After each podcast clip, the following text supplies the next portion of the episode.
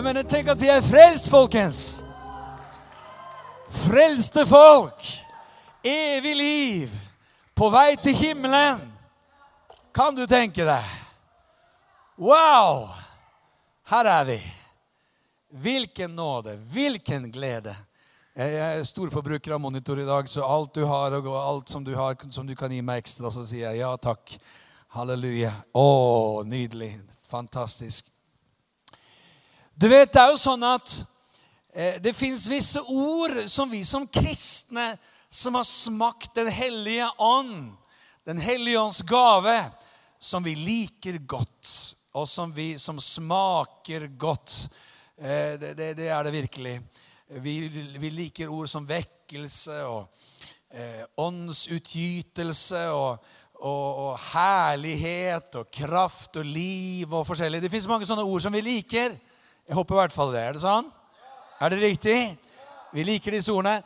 Og så er det ikke alltid sånn at vi kanskje vet hva de betyr fullt ut. Det er heller ikke nødvendigvis sånn at vi er klar på en måte for, eh, for, for eh, innholdet av det, eller sammenhengene mellom dem. Og jeg, skal, jeg håper dere har fått et ord i dag som, som kanskje kan synes litt underlig. Men det er herlig. Du vet, En predikant han skal være som postmannen. Postmannen skal ta imot et budskap fra avsender og levere til mottaker uten å diskutere innholdet. Hva? Det hadde jo liksom vært uhørt hvis din postmann skulle liksom åpne dine brev. og ja, er ikke, jeg, er ikke, enig i det. Jeg liksom klusser litt der og skriver litt der og streker liksom. Det hadde, du hadde sagt hei, jeg protesterer. Det skal liksom komme sånn så, så, så helt og holdent som det forhåpentligvis er. Eh, og nå er det jo sånn da at Sammenligningen den, den, den, har jo sine begrensninger, for vi er begrensede, og vi er høyst skrøpelige, og vi er menneskelige redskaper. Vi ser stykkevis og delt. Men, men jeg syns det er spennende å leve i Norge i dag. Jeg syns det er en herlig tid. Ja, det, og det syns ikke jeg, sier det. Jeg syns det ikke er herlig i det hele tatt. Jeg syns det er en vanskelig tid, ja, men det, er, det hører sammen. Vanskelige tider og herlige tider, det hører ofte sammen. Halleluja. Og det som er viktig for oss, du vet at veldig ofte så er det sånn at vi, vi leser Bibelen veldig sånn individuelt. Vi tenker veldig individuelt. Vi, når vi leser Guds ord, så streker vi under sånne fine vers. 'Jeg er med deg', sier Herren. Amen. Herren er med meg. Halleluja.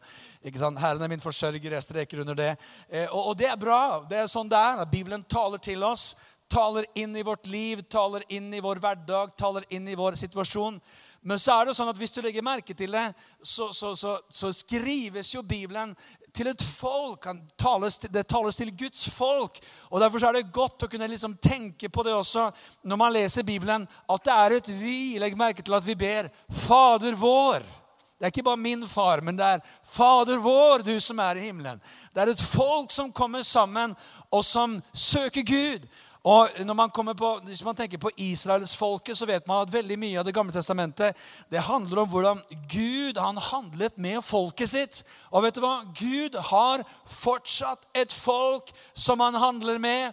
Og det som er herlig, det er at det, det Gud gjør, det går langt utover dagens trender, liksom dagens greier, disse tingene som folk kanskje i øyeblikket er opptatt av. Og Det som er interessant, er at til og med Gud sier det selv i sitt eget ord, at det som er, liksom, det som er svært gjevt for eh, mennesker, det er ingenting for Gud. Og så er det ting som virkelig er viktig for, for Gud, som kanskje ikke mennesker tenker så veldig mye på. Eh, og, og, Midt i dette hendelsesforløpet så sitter du og jeg, og her er vi. Og så har vi en sånn etappe som vi løper. da. Det er jo interessant å tenke på. Jo eldre man blir, jo mer blir man seg bevisst at man har fått en sånn etappestrekke å løpe. Og etter hvert som man har blitt kjent med noen eh, herlige både venner og Herrens tjenere og ulike folk som er ferdig med sin etappe, og som man kanskje har løpt ved siden av en tid, så blir man bare mer og mer klar over det er en etappe vi løper. Og, og, og, og Gud, Gud, han ser til oss. Og jeg er veldig mye mer interessert i at Gud skal heie på tribunen. Og at skaren av skyen av vitner, sånn som i brevet 12.1 taler om, skal heie på tribunen. Og det som er interessant, det er at Av og til så tror jeg det er sånn at uten at dette er liksom sånn vanntett teologi og, og, liksom fryktelig gjennomtenkt det, Jeg skyter litt fra hofta her nå. Så er det sånn at jeg tror av og til det er sånn at himmelen jubler over ting som ikke nødvendigvis jorden jubler over. Og jeg tror faktisk at det kan være andre ting også som skjer, at, at, at jorden jubler over ting som ikke nødvendigvis himmelen alltid jubler for. Jeg tror at Når man, går, når man ser liksom på det kartet som er Guds rike på jorden, så er det et ganske annerledes kart enn det liksom who's who in Christian circles.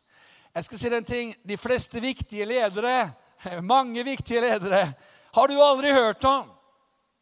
Har jeg aldri hørt om, har jeg aldri truffet, har jeg aldri møtt. Er du klar over det? De største menighetene på jorden du vet jo ikke hva de heter for noe engang. Du kan ikke uttale hva de heter for noe. Ja, hvorfor det? Ja, de fins i Kina, f.eks. Millioner av troende vet du, som samles og priser Gud, og undergrunnskirker og alt mulig. Herlig! Amen! Og når Gud ser ned på jorden, så ser han det også. Hallo! Amen! Og derfor så er det Nå tenker jeg, Hva skal du egentlig preke om i dag? Jeg, jeg, jeg, jeg, gleder meg sånn til å preke her. Halleluja. Fordi det er så spennende å leve. Det er så herlig å leve. Det er så herlig å leve i Guds rike. Og du vet, Det som er så interessant også, det er jo at vi er midt i en kamp. Er du glad for det? Er du kanskje ikke så glad for det, men er du klar over det? Eh, vi vet jo at Efeserbrevet 6 taler om dette. ikke sant? At vi har ikke kamp mot kjøtt og blod, men mot makter, mot myndigheter. Så står det mot ondskapens ånde her i himmelrommet. Og Det er jo liksom ikke sånne vers som, som liksom river ned sånne svære ovasjoner. Å, så fint å tenke på at vi har makt, vi har kamp mot makter og myndigheter og mot ondskapens ånde her i himmelrommet. liksom, Halleluja. Og det, det, det er jo ikke sikkert at, liksom, at det er sånn hver gang du våkner på morgenen heller, at det er det du tenker på. liksom. At du, du, du våkner, din klokke ringer, og du har slått i hjel snusknappen for fjerde gang. Eh, og så liksom, så våkner du opp og ta, ta, ta, ta, ta, ta, ta, ta, ta, ta, ta, Her er det åndelig krig, her er det åndelig kamp. jeg er på alerten her. Men det som er interessant, det er at det står at vi skal holde stand imot djevelens lumske angrep. Hva er et lumsk angrep? Altså Hvis jeg står her liksom og skal angripe, eh, så er det, det jo et veldig åpenbart angrep. Mens hvis jeg, hvis jeg står det skjulte, hvis jeg skjuler meg, hvis jeg liksom eh, kommer bort ved Oskar her, og så eh, sikter jeg på noen der borte, og du ser ikke at jeg skyter engang, så er det et lumsk angrep. Aha. Aha. Og det som er interessant, er at jeg har en sånn følelse av at det fins visse ting i dette fantastiske landet vårt som er under djevelens lumske angrep. Aha. Og Derfor er det sånn at det fins sakte, men sikkert så kan det være visse ting som har med Guds planer, Guds tanker, Guds ordninger, Guds veier, som på en måte forvitrer litt sånn sakte, sakte, sakte, sakte, sakte. sakte. Og det som er interessant, er at det, det eneste som skal til for at et hus eller for at en hytte går ned, hva er det for noe? Ja, Det er egentlig å gjøre ingenting. Hvis vi gjør ingenting, så til, syvende og sist så har det der greiene råtnet eller det er forfalt eller det har skjedd et eller annet. Eh, og, og Sånn kan det også være med det åndelige huset. At vi liksom, vi søker Guds ansikt, vi søker Hans trone, vi søker Guds ord. For vi vil og tror at det som er, og, og er overbevist om at det som er Guds plan og tanke, det er liksom ikke at Guds menighet i vår tid, den klarte seg så vidt. Ok, Jesus, nå kommer du snart, og vi tror at det er liksom Yes, redd oss! Det går nesten under, men vi skal overleve. Vi tror jo at det Jesus vil, er å reise opp en herlig menighet, en triumferende menighet, en seirende menighet, en vakker brud for Jesus, full av liv og full av kraft og full av herlighet. Vi tror at Gud har spart den beste vinen til sist. Yes! Og vi tror at det til og med gjelder i Europa. Så er det en del som frykter at men tenk om muslimene kommer til å ta over Europa. Ja, I så fall bare hvis vi tillater dem å ta over. Den beste kuren mot det, det er brennende kristne. Halleluja. Mens hvis, hvis, hvis, eh, hvis Guds folk er litt sånn, eh, sånn bakpå, ja, men da kan alt skje. Det har historien vist oss.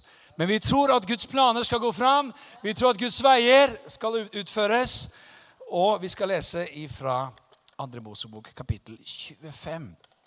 For overskriften den er nemlig en rar en. ordninger og herlighet. Hva er herlighet for noe? Jo, Guds herlighet, når vi snakker om Guds herlighet, det er Guds nærvær. Manifestasjonen av hvem Gud er.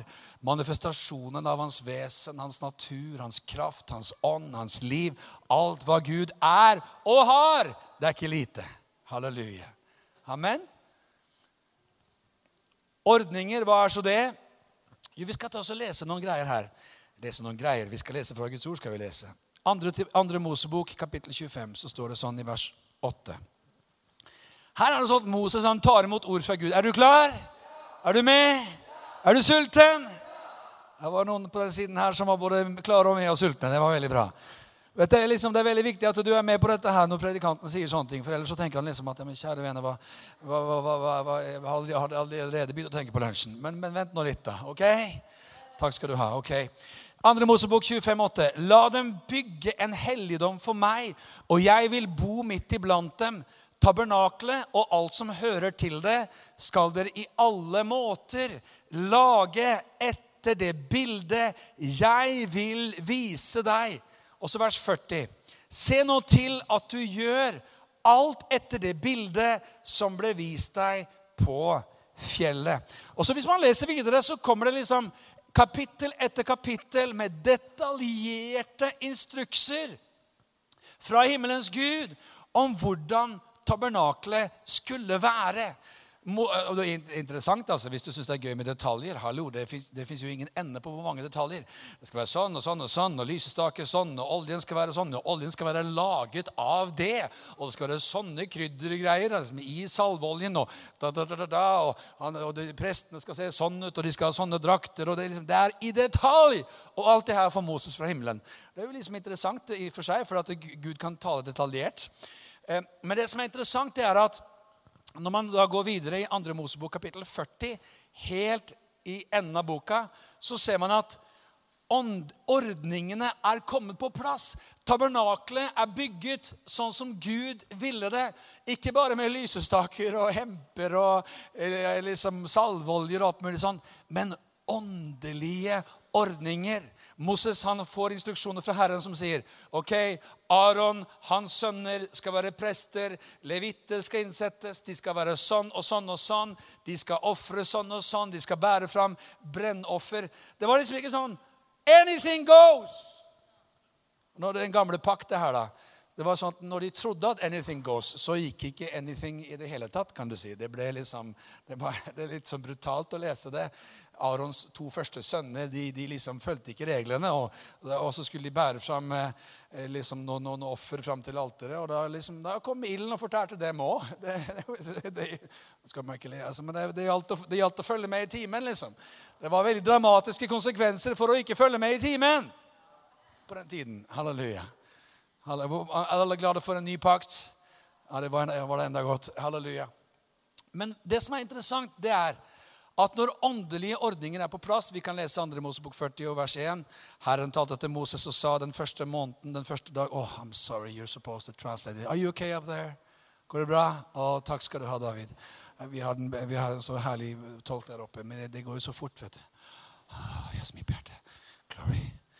Og Herren talte til Moses.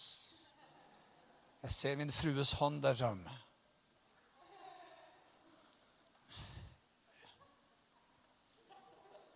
Det var til Moses han talte. Det var det nemlig. Og sa den første måneden, den første dag i måneden skal du reise tabernakelet, sammenkomstens telt. Der skal du sette vitnesbyrdets ark og dekke for arken med forhenge. Så skal du sette inn bordet, du skal legge alt det som skal ligge der, og du skal bære lysestaken, sette opp lampene på den. Vers 13. Du skal kle Aron i de hellige klærne og salve ham og hellige ham. Og så skal han tjene meg som prest. Hans sønner skal du også føre fram og kle dem i kappene. Og så skal du salve dem, osv. osv. Alt det her som vi egentlig har satt ord på nå. Og hva er det som skjer? Når ordningene er etablert, så kommer herligheten.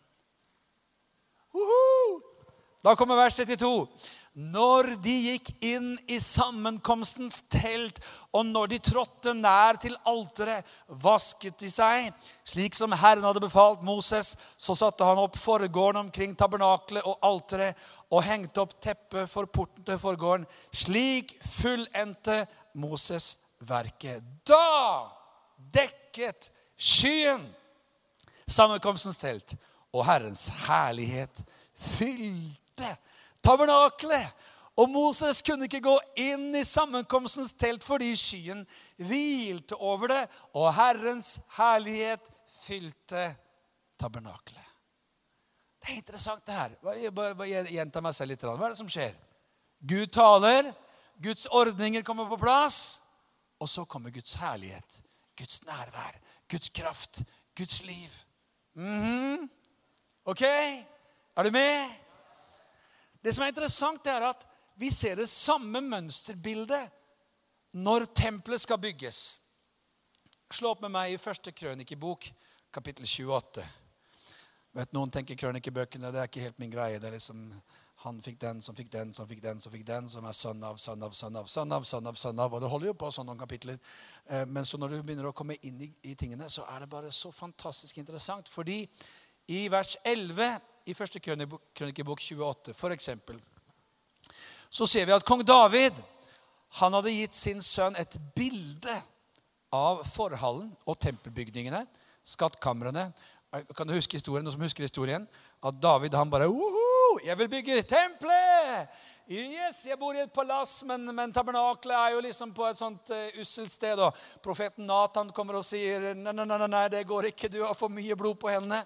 Og det, det var litt av en kriger, David. så Det er jo ganske heftig hva han gjorde. Vi skal ikke gå i detalj på det. Men, men Gud hadde gitt ham et himmelsk mønsterbilde. Tempelbygningene, skattkamrene, loftsrommene, de indre kamrene og rommet for nådestolen, står det i vers 11 og vers 12. Og et bilde, hør på det her av det som sto for ham i ånden. Av forgårdene til Herrens hus og alle kamrene rundt omkring, for skattene som hørte til Guds hus, og for de ting som var helliget, og for prestenes og levitenes skift, og for alt arbeidet ved tjeneste i Herrens hus, og for alle kar til tjenesten i Herrens hus, osv. Vers 19. Alt som skal gjøres etter bildet, det har Herren opplyst meg om ved et skrift fra sin hånd. Så hva skjer? David han får instruksjoner fra himmelen om ordninger.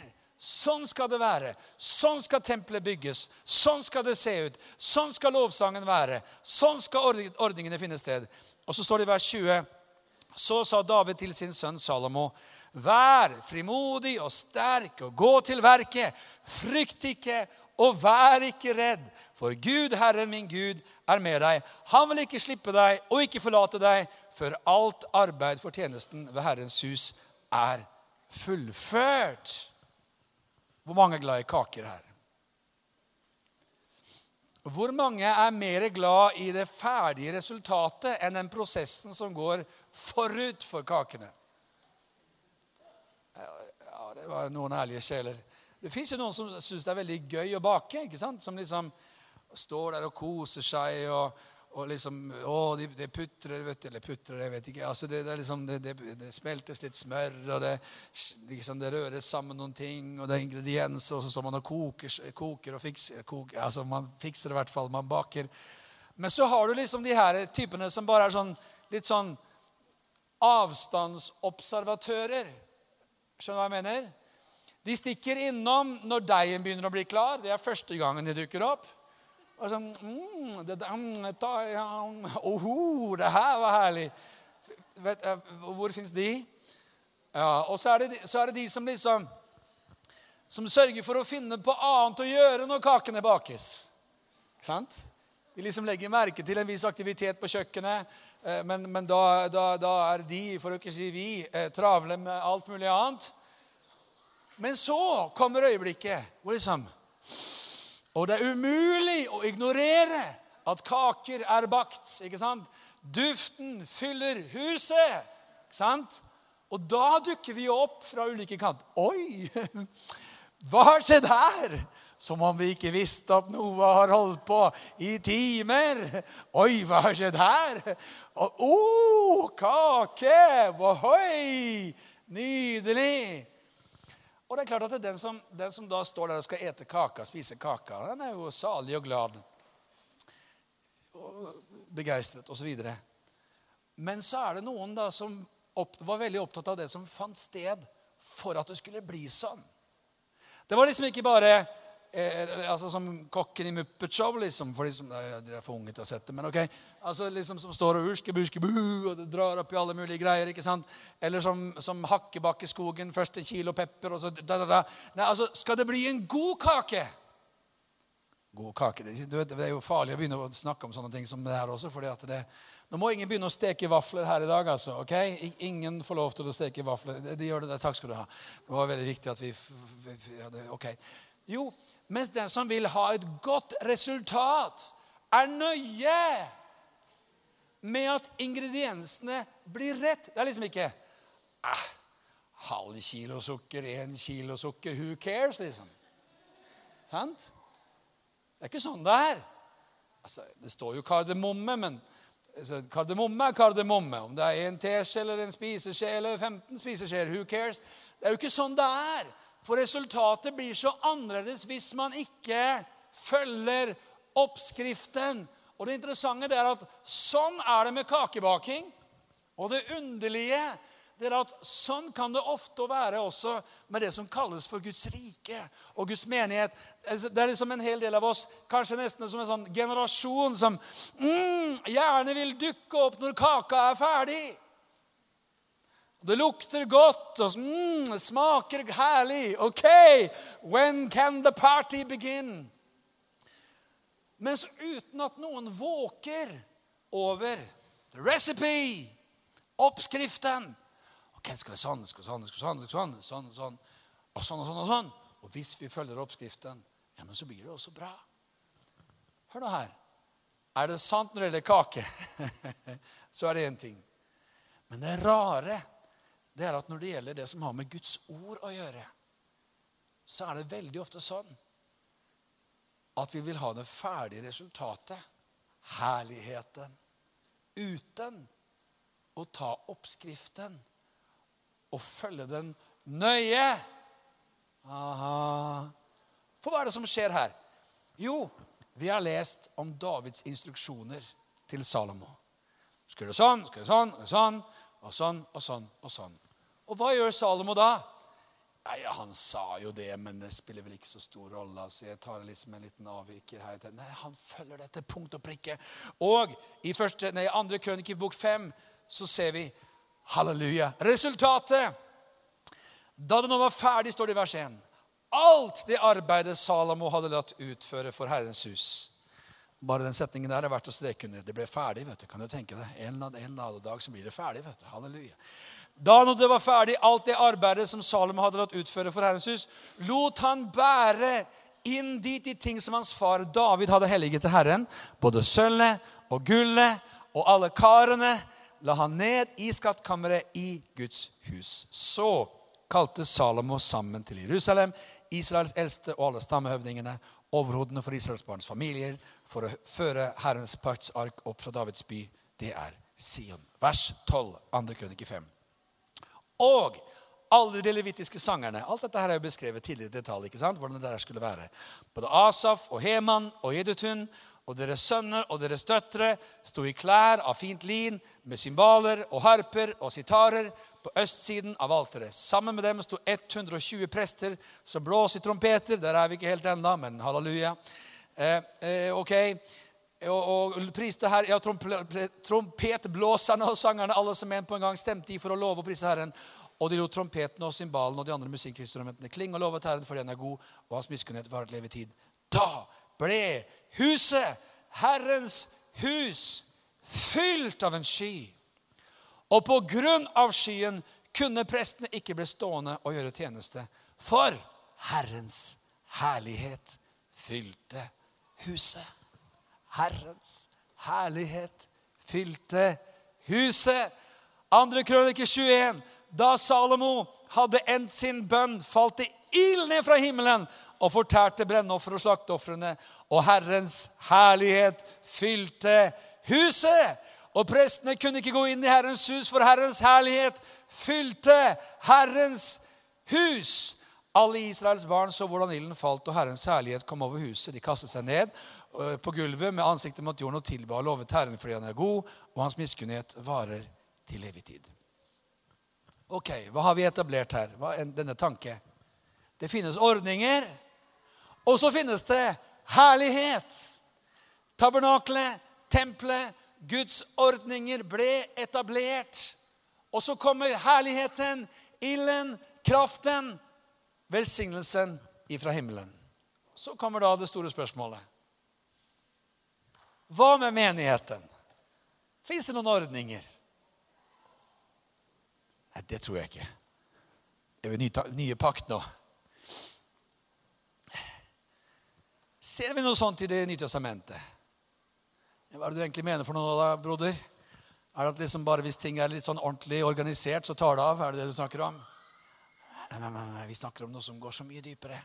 Vi snakker nemlig om at hva var det som ble etablert? Hør her. Tabernakelet, tempelet, dukene, skjortlene Ja, ja, ja, alt sammen. Skulle, all detalj, Hver detalj skulle være på plass. Men åndelige ordninger. Og det er jo kanskje ikke liksom sånn, en sånn 2017 Norwegian bestseller. Sant? Ordninger. Amen. Halleluja. Men i Guds ord så fins det ordninger. Amen. Nå skal du få lese med meg i Efeserbrevet kapittel 2, nemlig. Vi har lest om tabernakelet, og vi har lest om tempelet. Nå Det er nesten så vi skal ha trommevirvel, altså. Men ok, det går bra. Efesene 2,19. Så er dere da ikke lenger Har du funnet det? Dere ser det. Det er bra. Jeg var ikke der, men Så er dere da ikke lenger fremmede og utlendinger. Det var jo vi jo før. altså Fremmede og utlendinger for Gud. Vi har vært utlendinger alle mann for Gud. Men dere er de helliges medborgere og Guds husfolk bygd opp på apostlenes og profetenes grunnvoll. Og hjørnesteinen er Kristus Jesus selv. I ham blir hele bygningen føyd sammen og vokser til et hellig tempel i Herren. I ham blir også dere, sammen med de andre, bygd opp til en Guds bolig i ånden. Hva er det vi ser her? Hvilke ord er det vi ser? De helliges medborgere Guds husfolk, apostlenes og profetenes grunnvoll. Jesus Kristus er hjørnesteinen. Det beskrives en bygning, et hellig tempel i Herren. En bolig for Gud i ånden. Vet du hva det her vil si for noe? Ordninger, ordninger, ordninger, ordninger, ordninger, ordninger, ordninger. Sant? Dette er liksom ikke beskrivelsen av en slags sånn allmenn, wishy-washy liksom interesse, forvening, formening, forening, forening av mer eller mindre forvirrede mennesker som ikke helt vet hvorfor de har kommet dit, og som liksom allment kommer og går, som de får, har sitt for, for, for godt for, Det ble veldig mange fine ord her nå. For godt befinnende. Halleluja, det fins håp for oss alle.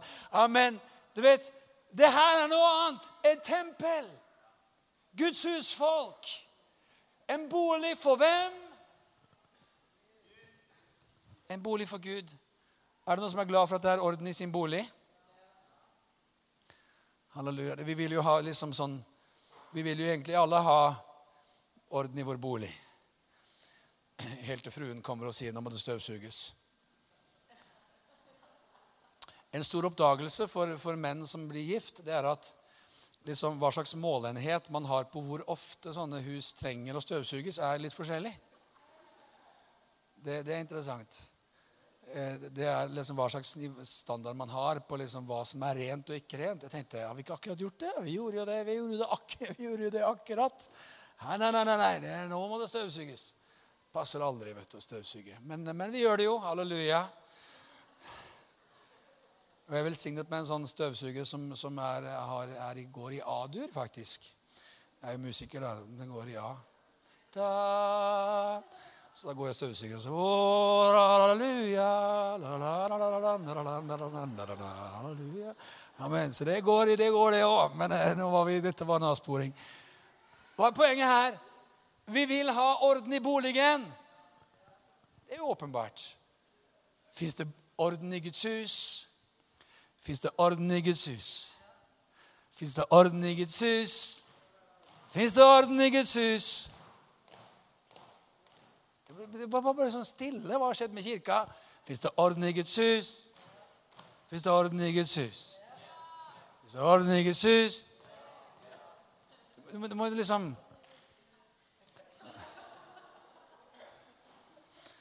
jo svarer predikanten. Is there order in the house? Yes, it is. Is there order in the house? Yes, it is. Is there order in the house? Is there order in the house? Is there order in the house? Is there order in the house? Yes, it is. Order in the house. Ja, men Hva vil jeg si? Liksom at det er rent, og liksom vi har tørket støv her. Og, ja, men Det vil jeg helt sikkert si. Men vi snakker om noe som er et litt sånn småfremmed konsept for det moderne mennesket. Hva folket sa? Hurra! Yes!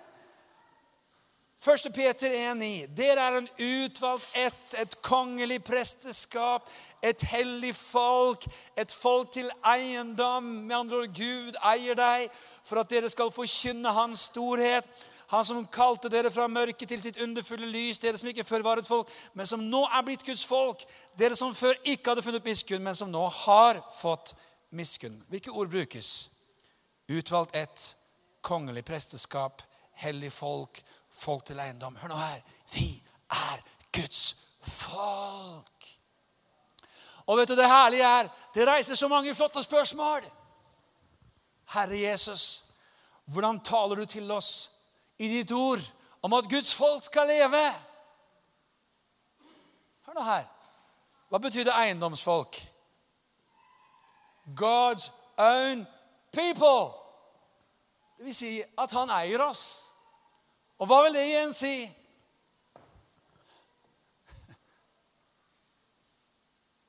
At han bestemmer. Amen. Det vil jo også si at det fins en annen autoritet i livet, nemlig Guds ord. Halleluja. Amen. Ja, det liker jeg ikke. Det, nei, det der, det, det. Men det der, det er fint. Gud er kjærlighet. Å, fint. fint. Jeg syns det er så fint, det der, ja. Kapittel 13 er kjempe... Å, så fint, fint, fint, fint. fint.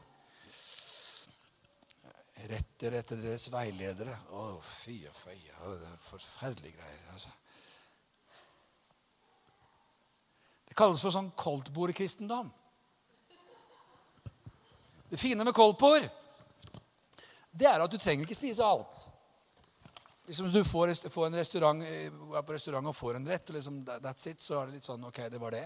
Men, men altså, koldtbord er litt sånn pick and choose. Altså, Koldtbord det er det som er, nå heter tapas. Det het i gamle dager koldtbord. Sånn cirka. Cirka, i hvert fall. Sånn cirka. Ok? Hvor du liksom, du bare plukker de greiene som du liker, og de tingene som du ikke liker, de lar du ligge. Det er fint med tapas, men det er ikke så vakkert når det gjelder Guds ord. Og det er ikke så vakkert når det gjelder menighet heller. Aha, aha, aha. Og det interessante det, det, Vi får se hva vi rekker her nå. det er ikke fryktelig mye mer, men, men det er jo at liksom, når man begynner å liksom gå inn på ulike eksempler på Ok Hva er det Guds ord er tydelig på? Hva er det Guds forordninger vil si? Hvilke ordninger er det som faktisk finnes der? Som vi skal forholde oss til. Det blir jo kjempeinteressant. Det blir veldig gøy. Ok. Skal vi se, skal vi se, skal vi se. Vi leser litt til. Hva har vi sagt for noe her?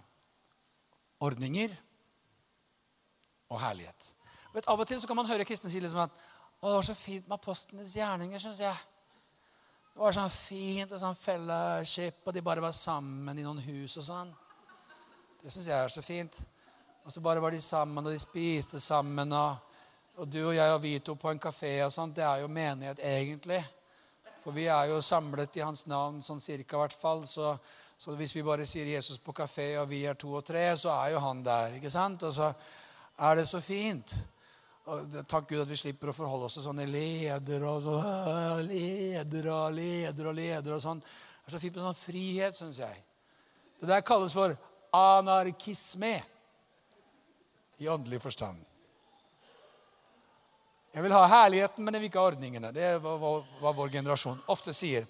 For Guds ord sier i Fesebrevet 4,11.: Halleluja!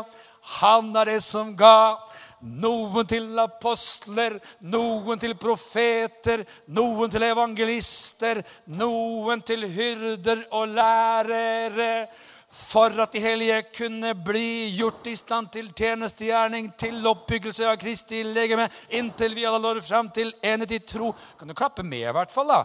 Inntil vi alle når fram til enhet i tro på Guds sønn og i kjennskap til ham, til mannsmodenhet, til alle som for Kristi fylle, for at vi ikke lenger skal være småbarn, og la oss kaste og drive omkring av hver lærdomsvinn ved menneskespill, ved kløkt i tilvarelse, listige knep, sannheten, tro i kjærlighet, skal vi alle måter vokse opp til ham som er hodet, i Kristus. Fins.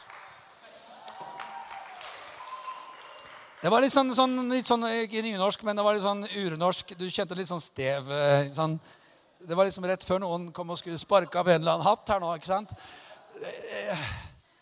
Men hva var det her for noe? Det, her står det Gud han satte inn i menigheten apostler, profeter, evangelister, hyrder, lærere. Vet du hva det er for noe? Det er ledere. Ikke skal vel noen lede noe? Jo. Og det er interessant, er at når Gud startet menigheten sin, church number one, så sa han, som for, for øvrig er den ene, ene sannende menighet, så står det i Matteus 16, vers 18.: Jeg sier at du er Peter, og på denne klippen vil jeg bygge min menighet, og dødsrikets porter skal ikke få makt over den. Jeg vil gi deg nøklene til himlenes rike. Det du binder på jorden, skal være bundet i himmelen, og det du løser på jorden, skal være løst i himmelen. Jesus bygger sin menighet kraftfull. Dødsrikes porter kan ikke få makt over den. Og så satte han inn tolv apostler. Så tenker vi liksom, ja, men tolv apostler, give me a break. liksom. Altså, Judas, ikke sant, han holdt på der. og Johannes og Jakob liksom boenergisk. Tordenbrødrene. Skal vi ikke bare be ild komme ned fra himmelen og fortære samaritanerne Jesus? Og Jesus sier det. Og Thomas som tviler, liksom, og Peter som banner. og Det er jo litt av en gjeng. Hæ? Bartolomeus han sa ikke en ting. Har du sett noen sitat av Bartolomeus? Han sier ikke en ting. Hva mener du? Liksom, liksom stille, tyst sånn. Men så kommer pinsedag. Ho, ho, ho. Mm. Så kommer ånden. Så kommer utrustningen. De blir døpt til Den hellige ånd, fylt med Den hellige ånd ikledd kraft ifra det høye. Og den samme Jesus han sier i Matteus 19, vers 28, Jesus sa til dem, sannelig, jeg sier dere, i Han sier til sine disipler når menneskesønnen sitter på sin herlighetstrone, da skal også dere som har fulgt meg, sitte på tolv troner og dømme Israels tolv stammer.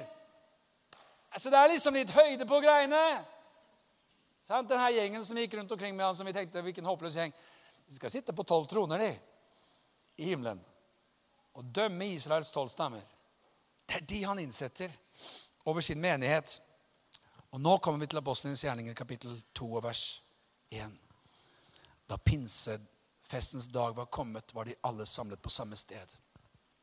Da kom det med et lyd fra himmelen, som når et veldig stormvær farer fram og fylte hele huset der de satt. Og det viste seg for dem tunger like som av ild som delte seg og satte seg på hver enkelt av dem. De ble alle fylt med hellig ånd og begynte å tale i andre tunger. Alt ettersom ånden ga dem å tale. Hva er det som skjer? Hva er det som skjer? Herligheten fyller tempelet. Ilden faller i tempelet. Du har ikke glemt at vi akkurat leste Feserne 2, ikke sant? En bolig for Gud i ånden. Vi vokser til et hellig tempel for Herren. Menigheten fødes. Amen. Guds ordninger er etablert. Glory to God in the highest. Og ilden faller. Herligheten kommer. Og menigheten fødes. Det er kraftig. Det er herlig. Og er det ikke sånn at når vi leser Bibelen, dere, så tenker man liksom Wow! Det der er ganske heftig. Wow! Det der er ganske attraktivt. Wow! Det der er veldig herlig. Kraften, herligheten, livet, tegn, under, mirakler. Og det her er greia, skjønner du. Det er da det begynner å bli interessant. Fordi den moderne mennesket sier under. Yes! Mirakler. Woohoo! Herlighet. Camp me in. Vekkelse. Of course! Lederskap.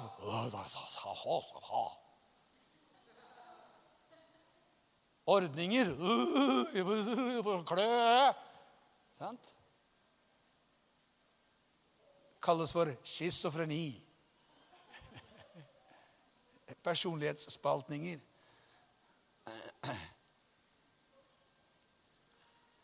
Jeg vil ha den ferdige kaka, men jeg vil ikke ha ingrediensene.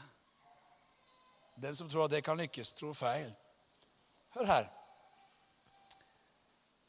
Peter han står fram, preker, vers 77.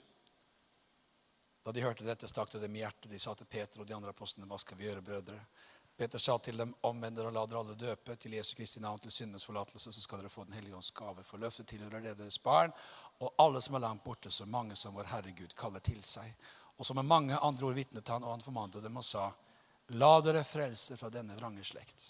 De som nå tok imot hans ord, ble døpt. Den dagen ble det lagt til omkring 3000 sjeler. Hva skjedde med disse? De ble lagt til. Hva ble de lagt til?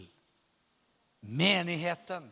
Guds menighet. Ikke et kvas interessefellesskap for åndelige konsumenter, men menigheten. Og vers, vers 42 i samme kapittel sier de holdt urokkelig Kan du holde urokkelig fast på et eller annet? Kan du holde Ja. Kan, ikke, en, kan ikke den, den, ene holde urokkelig fast på noe, og så tar den som sitter ved siden av, og prøver å dra fra deg det som du holder urokkelig fast på? Ja, Men kom igjen nå, da. Ikke vær så treg. Eller vær litt sånn med på notene. Ok, Den ene holder urokkelig fast på noe. Ja, men Prøv, da. Sånn ordentlig. Altså, Ikke sånn bare på tull. Ordentlig, ordentlig, ordentlig. Ordentlig. Den ene holder urokkelig fast til noe. Come on, somebody. Og den andre forsøker å dra det bort.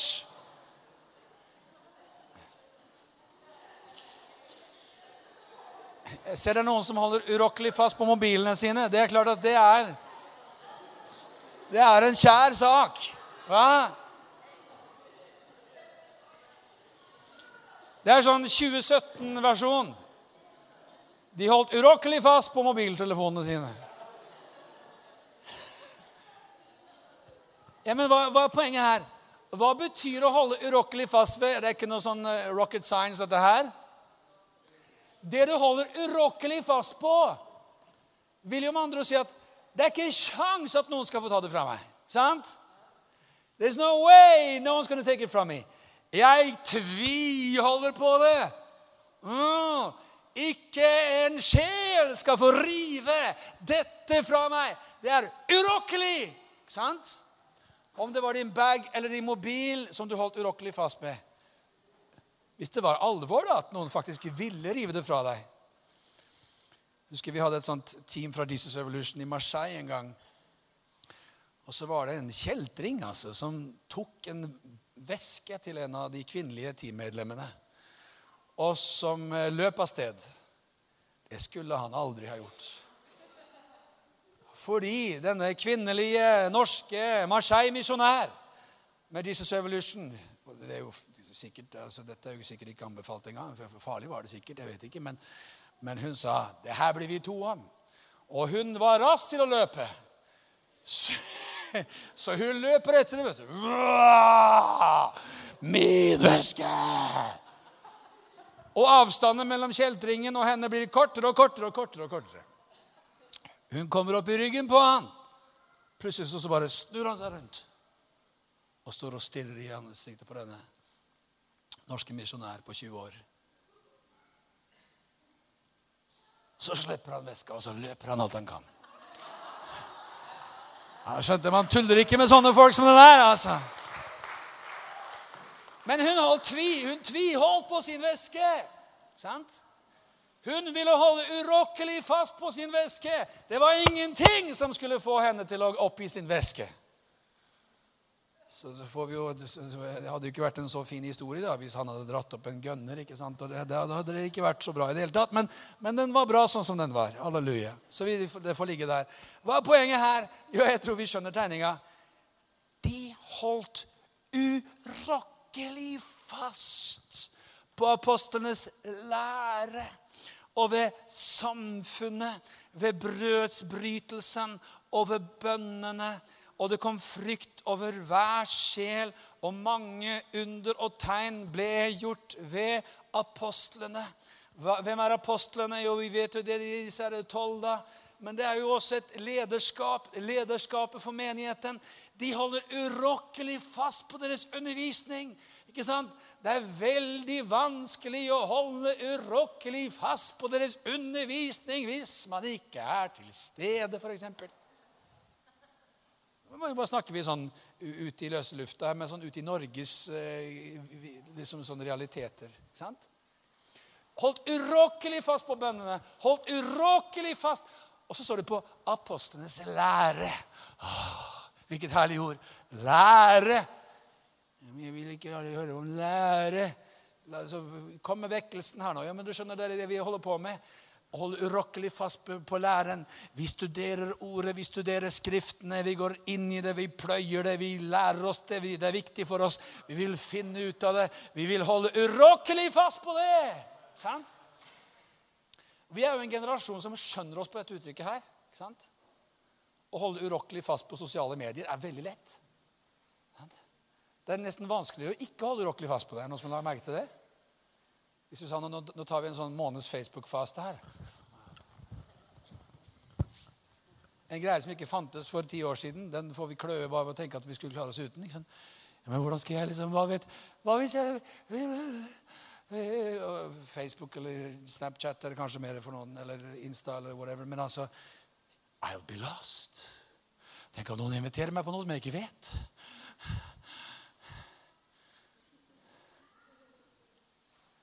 Å holde urokkelig fast på noe vil jo si at det finnes overbevisninger som går så dypt. Det kan ikke være uten. Amen. Og Nå skjønner jeg at jeg, jeg har, jo, har, jo, to prekener her, da. Halleluja. Så del to den kommer en annen dag, om ikke lenge. Men jeg skal sluttføre bare med å lese ett vers til i Apostlenes gjerninger. For det er så deilig å ta litt sånn hull på den der rare greia at folk skal, ja, men Nytestamentlig kristendom det er, liksom, det, det er liksom bare sånn allment eh, kumbaya-fellesskap hvor alle liksom eh, eh tenker, gjør, holder på med hva slags oppfatning som man enn kunne ha om menighet. Så ja, men hvorfor skal din oppfatning være noe mer riktig enn min? liksom?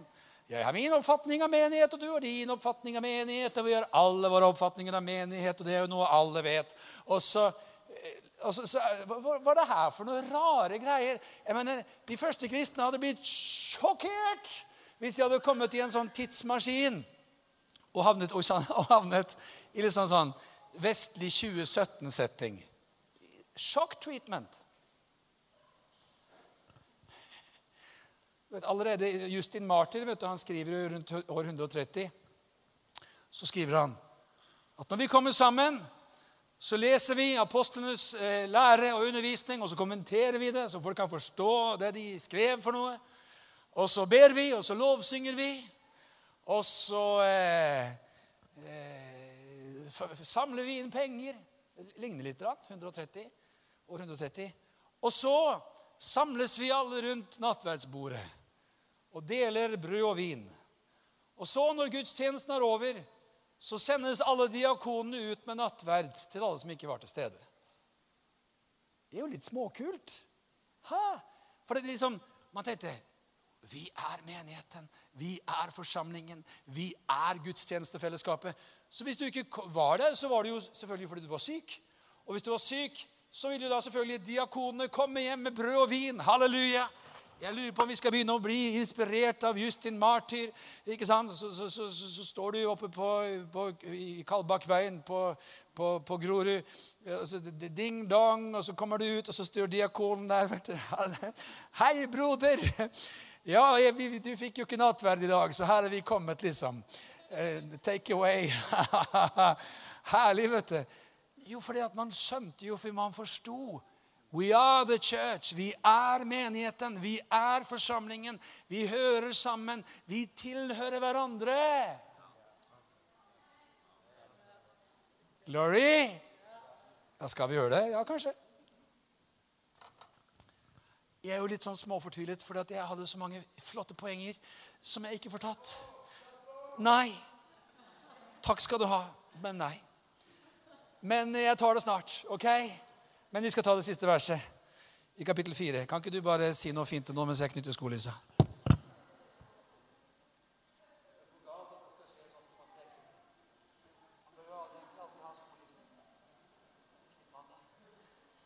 Ok, kapittel 4, det blir siste. Da de nå var løslatt, kom de til sine egne, står det i vers 23, og fortalte dem alt det ypperste presten og de eldste hadde sagt til dem. Da de hørte dette, løftet de samstemmig sin røst til Gud og sa, Herre, du som har gjort himmelen og jorden og havet og alt som er i dem, du har talt ved Den hellige ånd ved din tjener Davids munn og sagt, hvorfor fnyste hedningene, og hvorfor grunnet folkene på det som fåfengt er? Jordens konge steg fram, høvdingene slo seg sammen mot Herren og mot hans salvede. Ja, i sannhet, i denne byen samlet de seg mot din hellige tjener Jesus, som de salvet både Herodes og Pontus Pilatus, sammen med hedningene og Israels folk, for å gjøre det som din hånd og ditt råd forut hadde bestemt skulle skje. Og nå, Herre, hold øye med deres trusler og gi dine tjenere og tale ditt ord med all frimodighet. I det du rekker ut din hånd, så helbredelse og tegn og under skjer ved den hellige tjener Jesu navn. Og da de hadde bedt, skalv stedet der de var samlet, og de ble alle fylt med Den hellige ånd. Og de talte Guds ord med frimodighet. Guds herlighet er så kraftig at stedet skakes. Mens i neste kapittel er Guds herlighet så sterk at folk stryker med.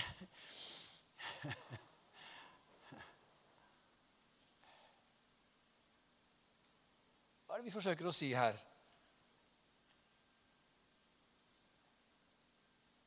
Det er en slags sånn introduksjon til en tanke.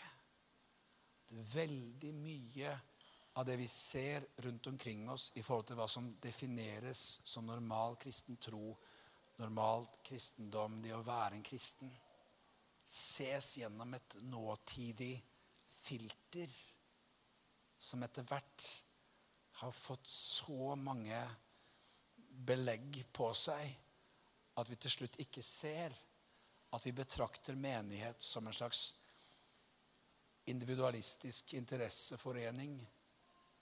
Veldig mye av det som har å gjøre med menighet, eller veldig mye av det vi ser rundt omkring oss i måten kristne lever i dag, spores til en svært mangelfull forståelse av hva Guds menighet egentlig er for noe, og hva det egentlig vil si.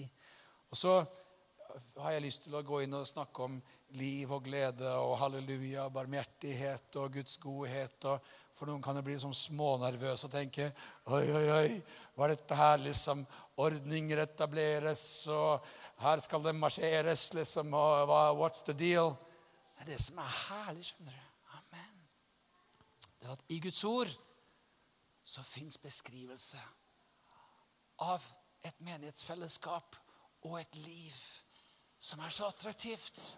Kan ikke lovsangerne komme opp her? Som er så kraftfullt. Som er så voldsomt. som er så rikt, som er så nådefullt, som er så herlig. Amen. Og som samtidig er så sterkt, så solid, så bunnfast. Hvorfor er det her så viktig? La meg sluttføre med det. Tredje sluttførelsen.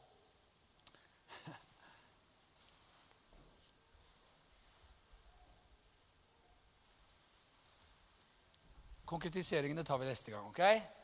Vær med på det?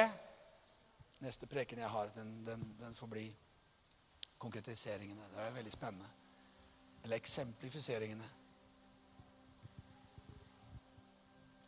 Jeg tror at den tiden vi går fram, går, går, står framfor i Europa og i landet vårt, er både herligere og tøffere.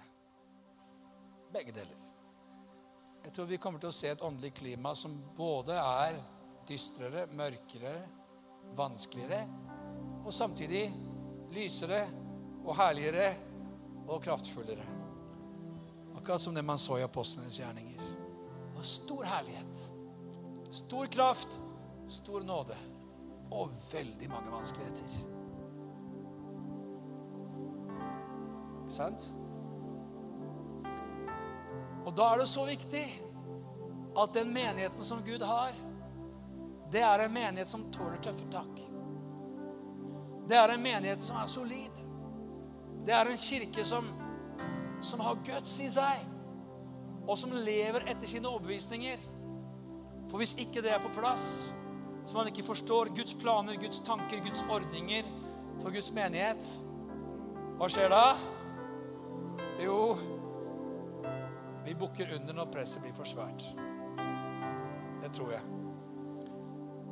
Og Det som er veldig interessant i det åndelige klimaet vi står i i Norge i dag, så vil du oppleve at det blir tøffere og tøffere å stå for ting i Guds ord som kristne har stått for i 2000 år. Hvis du bare står for det samme nå som det kristne sto for for 30 år siden, så vil du kunne merke at akkurat som det her rommet blir mindre og mindre og mindre rundt deg. ikke sant? Og vi kommer til å få oppleve Det er ikke en profeti, det er bare en sånn allment observasjon. At folk som tror på Guds ord, tror på Guds ordninger, tror på Guds veier Stemplene, de står i kø. Fundamentalist, intolerant, en, en som er, har fobier for det ene og det andre. Sant? Ukjærlig, hard, kald osv. Så, så må Gud gi oss nåde, folkens, til at vi kan se at Guds menighet får reise seg på en måte som gjør at den er både fast, sterk, tydelig, klar, solid, urokkelig, holder fast og samtidig varm, obs, kjærlig, brennende Oppsøkende. Ikke fordømmende. For den som er en synder. Og Det gode nyter til synderen er at han trenger ikke være en synder mer. Han blir frelst. Kan vende om. Kan bli fri. Halleluja. Det tror vi på. Det tror vi på.